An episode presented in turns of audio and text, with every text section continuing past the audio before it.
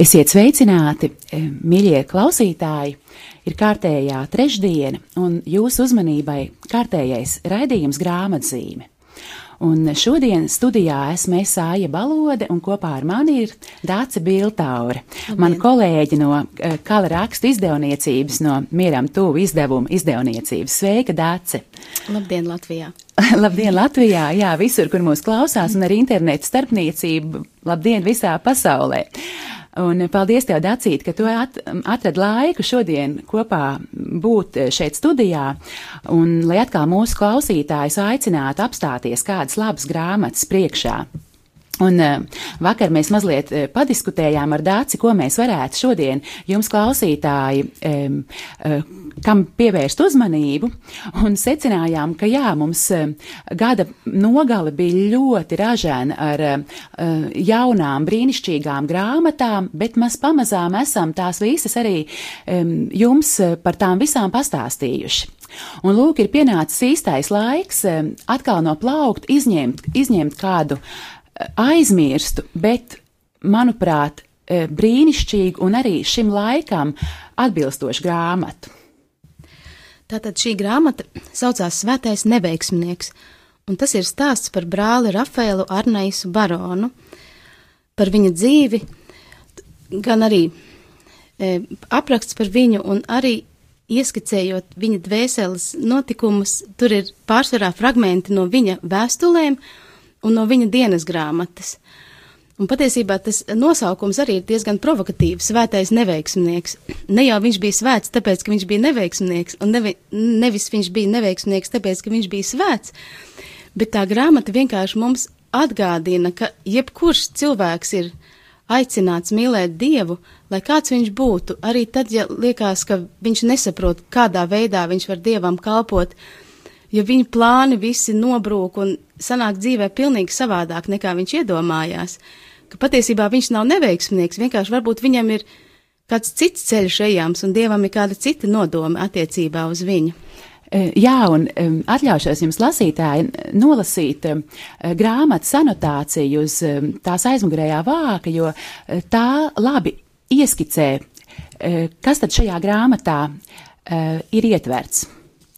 Un lūk šie vārdi no pasaulīga švīta par trapistu klosterbrāli, no klavieru spēles un teātra izrādēm pie klusēšanas, no vakariņām izsmalcinātos restorānos pie dārzeņu mizošanas klosteru virtuvē. To aiz brīvas gribas izvēlējās spāņu jauneklis Rafaēls Arnejs Barons. Kāpēc, lai mūs interesētu brāļa Rafaēla raksti un dzīve? Tikai viens no iemesliem ir šāds Tāpēc, ka viņš mums ir atstājis drošu liecību par to, ka arī tie, kas pasaules acīm raugoties, ir pilnīgi neveiksminieki, var kļūt svēti dieva skatienā. Lai tas iedrošina sekot Kristum. Varbūt mēs neesam atraduši aicinājumu, varbūt esam pieļāvuši kļūdas, varbūt neesam Dievu sapratuši, kaut arī meklējām viņa gribu Varbūt dzīve šķiet tikai jautājumu virtene, bet atbilžu trūkst. Brālis Rafēls ar saviem rakstiem un dzīves liecību mudina nenolaist rokas. Arī tāds var būt svētuma ceļš, ceļš, ko apspīd dievišķa gaisma un piepilda dieva klātbūtne.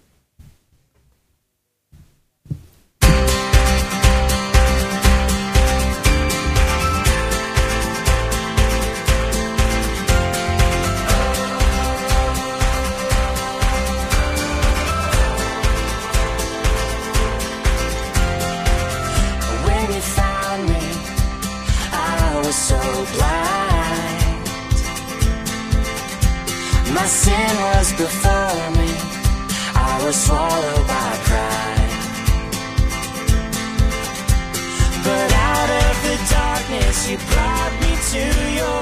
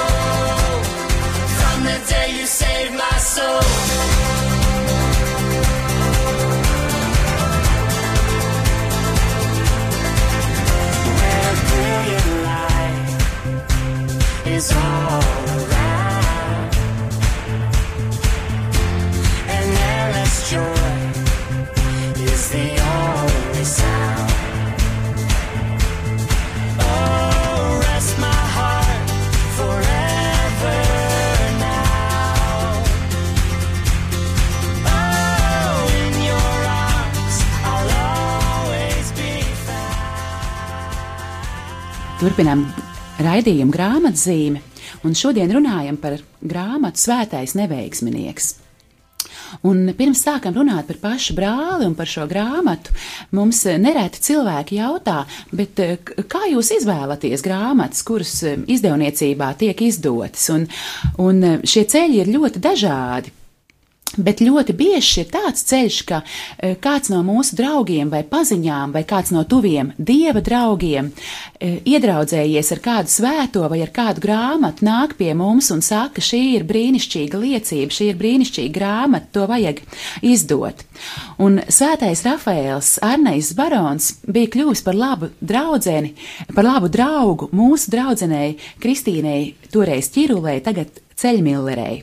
Tā ka jāsaka liels, liels paldies Kristīnai Ceļmillerei, ka viņa padalījās ar šo draudzību un teica, ka šis brālis būtu pelnījis, lai mēs daudzi Latvijā ar viņu iepazīstamies.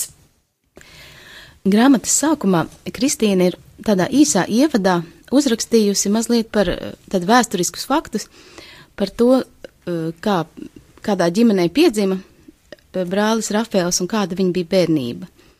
Tātad viņš ir dzimis 1911. gadā Spānijā. Ģimene bija ļoti labi materiāli situēta, mazajam Rafēlam bija viss, ko vien bērns var vēlēties. Turklāt mājās valdīja mīlestība un liela bijība pret dievu, un tas zēnam tika ieaudzināts jau no mazām dienām. Rafēls bija paklausīgs bērns, un viņam piemita dabiska mīlestība pret labo. Kad beidzās pusauģa gadi, Rafēls kļuva izskatīgs, elegants un izsmalcināts jauns vīrietis.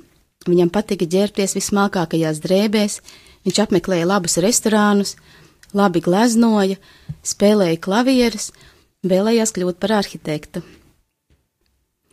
Tajā visā jauneklis nekad neapvainoja dievu, jo prata ievērot mērenību. Taču arī gatavība dieva dēļ nest lielus upurus viņam nebija raksturīga. Tāpat kā viņš ar mēru apmeklēja restorānus, tāpat varētu sacīt, viņš arī mīlēja dievu, nekādu neprātību, nekādu pārgalvību dieva dēļ, bet arī nekā tāda, kas varētu kungu sāpināt. Rafēls bija tāds, kādu mēs iedomājamies - labu cilvēku un labu kristieti, bet nekādā gadījumā ne svēto. Viņš bija tipisks sava sociālā slāņa pārstāvis.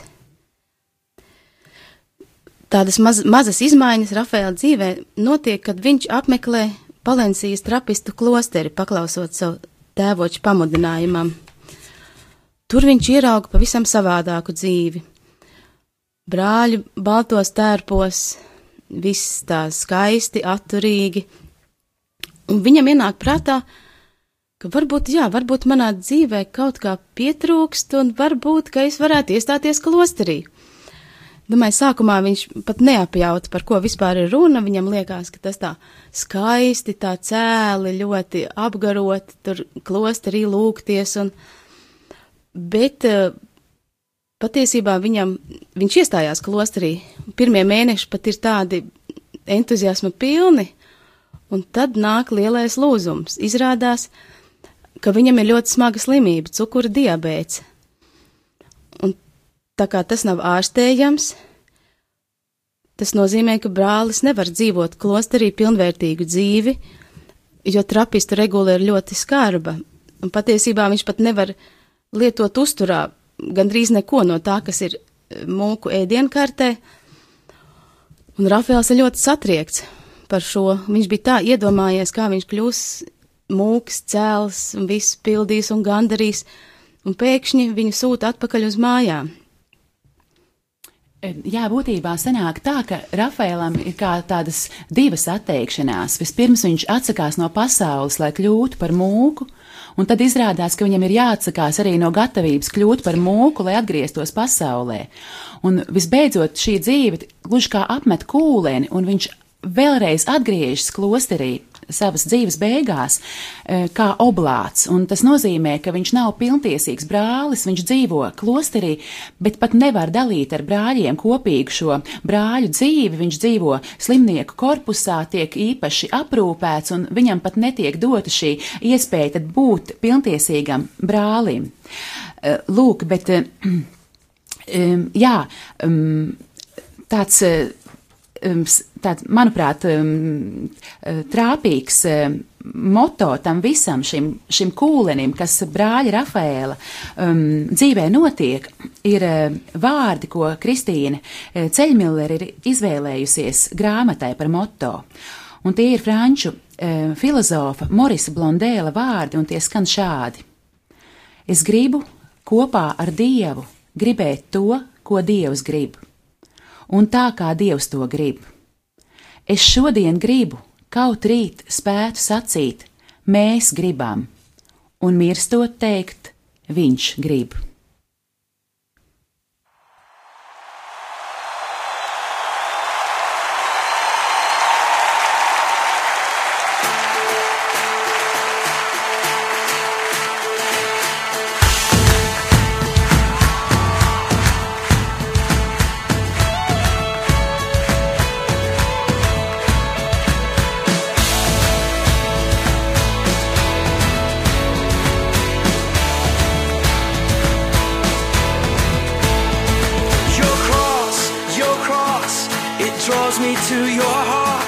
It makes my spirit sing, it makes my spirit sing.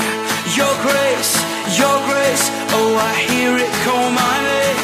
I'm waking up to sing, I'm waking up to sing. Oh,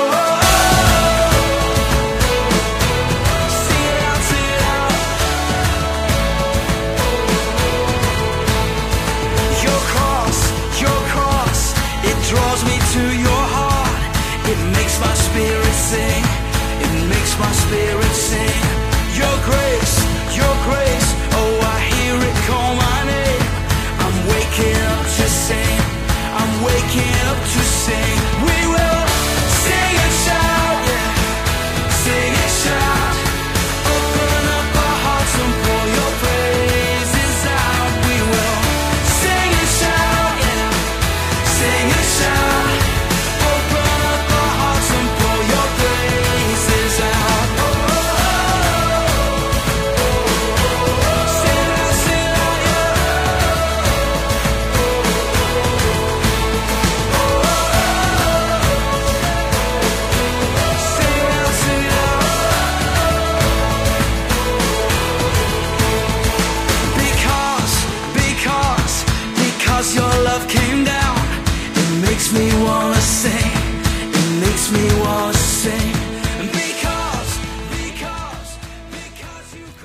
Turpināsim ielūkoties grāmatā Svētais neveiksminieks, un eh, droši vien ir beidzot pienācis brīdis dot vārdu arī pašam brālim Rafaēlam, lai jūs, eh, mīļie klausītāji, eh, dzirdētu, cik, cik jauki, cik sirsnīgi viņš savā dienas grāmatā raksta, un cik viņa ikdiena klosterī ir dieva pilna. Tātad sekos viņa ieraksts dienas grāmatā no 36. gada decembra.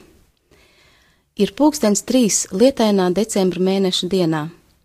Laiks darbam, un tā kā šodien ir sestdiena un ir ļoti augsts, tad neejam strādāt uz lauku, dodamies uz noliktavu, kur tiek attīrītas lēcas, mizoti kartupeļi un griezti kāposti. Pēcpusdiena, kas man jāpanes, šķiet apmākusies. Viss man šķiet neskaidrs. Klusums mani mazliet nomāca, un tā vien liekas, ka pāris vēlniņi ir apņēmušies mani sadusmot ar to, ko es saucu par atmiņām. Ir jābūt pacietīgam un jāgaida. Manās rokās ir ielikts nazis, un manā priekšā ir gross ar tādiem kā baltiem burkāniem, kas izrādās ir kāļi. Nekad dabā nebija redzējis tik lielus kāļus un tik augstus. Ko lai dara, neatliek nekas cits, kā tos mizot. Laiks iet lēni, arī mans nazis starp kāļa mizu un mīkstumu slīd lēni, līdz, ar, līdz es tos atstāju glīti nomizotus. Vēlniņa turpina mani traucēt. Viņa jautā, kāpēc man bija jāatstāj savas mājas un jāierodas šeit, augstumā, lai mizotu tādus neglīteņus. Viņi apgalvo, ka tas tik tiešām ir smieklīgi, mizot kāļus ar tādu nopietnību, it kā es būtu sērojošs tiesnesis.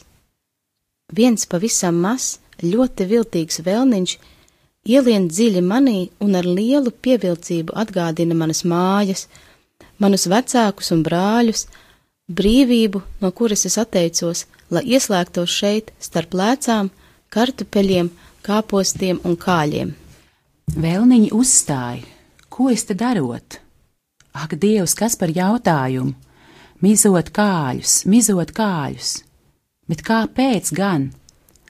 Un sirds palecoties pa pusē neprātā atbild: Es mizoju kāļus aiz mīlestības, aiz mīlestības pret Jēzu Kristu.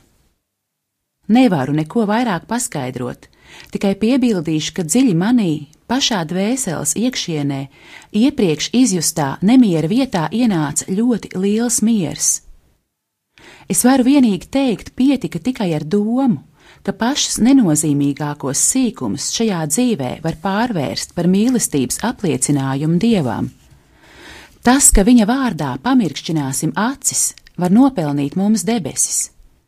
Tas, ka nomizosim pāris kāļu aiz patiesas mīlestības pret Dievu, var viņu pagodināt tikpat daudz un dāvāt mums tikpat lielus nopelnus kā Amerikas iekarošana.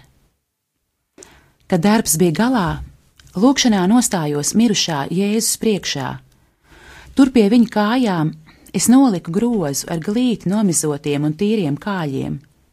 Man nebija nekā cita, ko viņam dot taču dievam pietiek ar jebko, ko pasniedzam viņam no visas sirds, vai nu tie būtu kāļi vai impērijas. Un nākamreiz, kad man būs jāmizo saknes, lai kādas tās arī būtu, pat ja tās būs augstas un leda, ledainas, es lūdzu Mariju, lai viņa nepieļauj, ka man tuvotos sarkanie vēlniņi, kas grib mani sadusmot. Es lūdzu, lai to vietā man tiek atsūtīti debesu eņģeļi, kas noliktu pie jaunavas Marijas kājām sārtus burkānus, bet pie Jēzus kājām baltus kāļus un kartupeļus, un sīpolus, kāpostus un salātus. Un ja vien es dzīvošu trapistu klosterī daudzus gadus, tad pārvērtīšu debesis par saudabīgu dārzeņu tirdziņu. Un kad kungs mani pasauks, sakot, pietiek mizot, liec nost nāzi un priekšaut un nāc, baudi to, to pie kā esi strādājis, kad es nokļūšu debesīs pie dieva un svētajiem un tik daudzajiem dārzeņiem, tad, ak, mans kungs Jēzu, mazākais, ko es varēšu darīt, es vienkārši smiešos.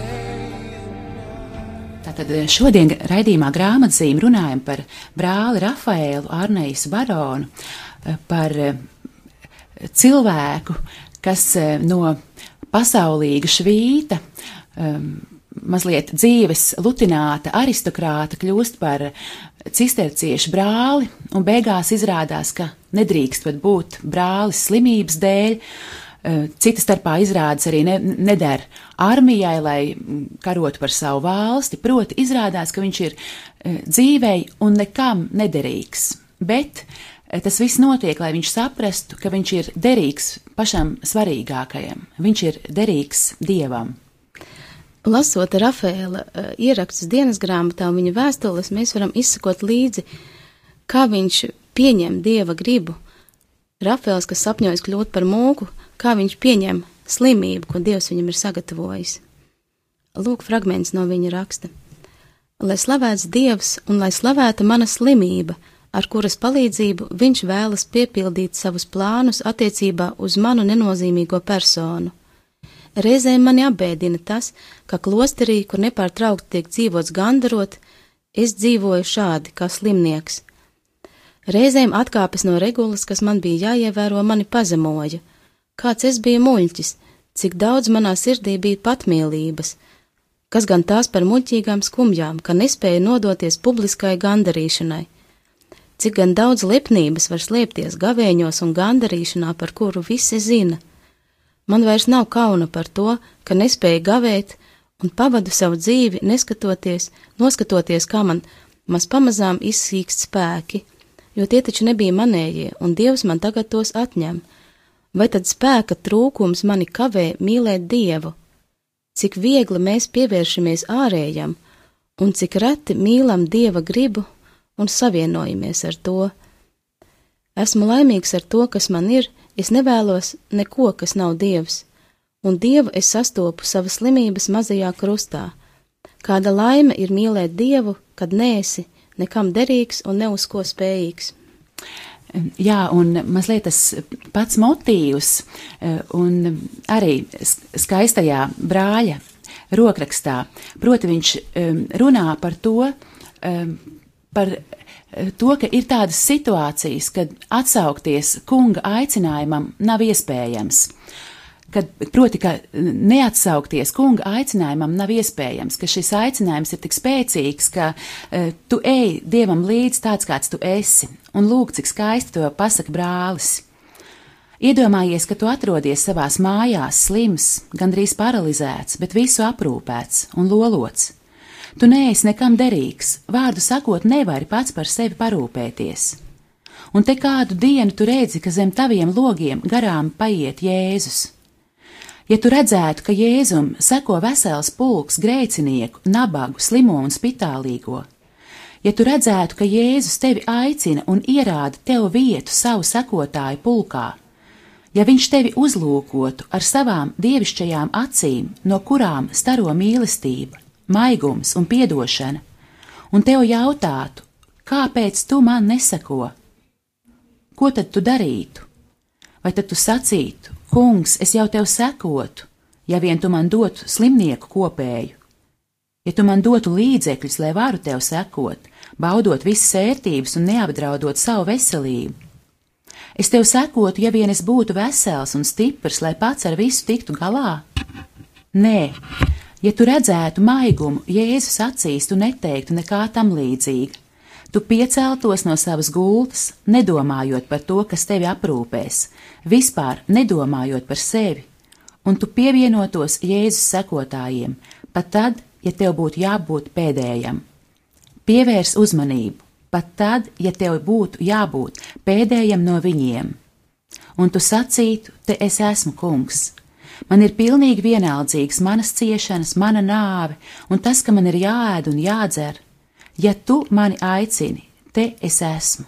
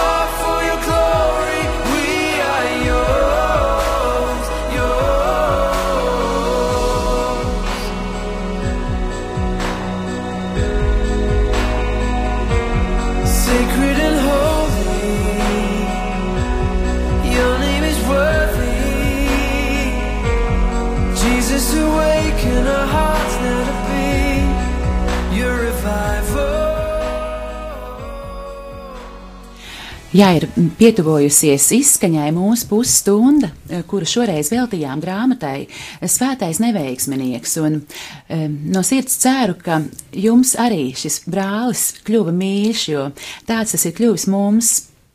Un vēl vairāk mums ir radusies tāda iedvesma. Pa brīdim mēs izplatot mūsu grāmatiņu mieram tuvu to um, piedāvājam lasītājiem, lasītājiem kopā ar kādu grāmatu tādā ļoti izdevīgā um, komplektā. Un uh, mārta mēnesī, kad būs, uh, kad sāksies gavēnis, mūsu mieram tuvu komplekts kā reiz būs ar šo grāmatu Svētais neveiksminieks. Tā ka, kad februāra vidū jūs visi meklēsiet uh, mieram tuvu grāmatiņu savā draudzes grāmatu galdā, noteikti neaizmirstiet pajautāt, ka jums interesē mieram tuvu komplekts. Un tiešām es ticu, ka brālis Rafēls tieši gavēņa laikam var izvest cauri ļoti svētīgi. Bet, protams, ja jūs nevarat sagaidīt līdz gavēnim, es domāju, arī tagad, šajās februāra dienās, kad reizēm trūkst gaismas, reizēm trūkst veselības, reizēm uh, trūkst siltuma, um, tad šāda brāļa liecība, kas saka, bet varbūt tieši augstumā Dievs mani apskauj, un varbūt tieši slimībā Dievs ir mans spēks, varētu būt ļoti noderīga. Tātad brālis Rafaels tika kanonizēts 2009. gadā, un viņa kanonizācijas dienā pāvests Benedikts 16. par viņu sacīja, ka brālis Rafaels bija kā bagātais jauneklis, kura tikšanās ar Jēzu aprakstīta evaņģēlijā, tikai šoreiz stāsta beigas ir citādas. Jauneklis atstāja visu un seko Jēzum.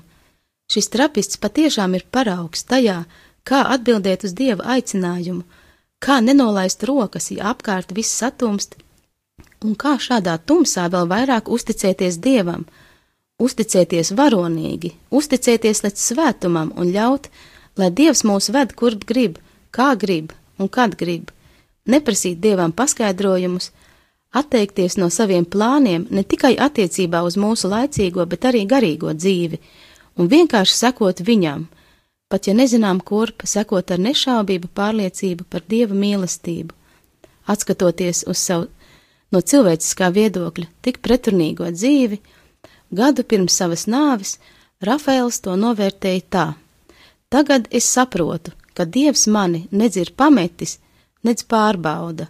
Tagad es saprotu, ka Dievs mani mīl. Lai šī atziņa mūs pavada, paldies par uzmanību līdz nākamajai nedēļai. Paldies, Islā!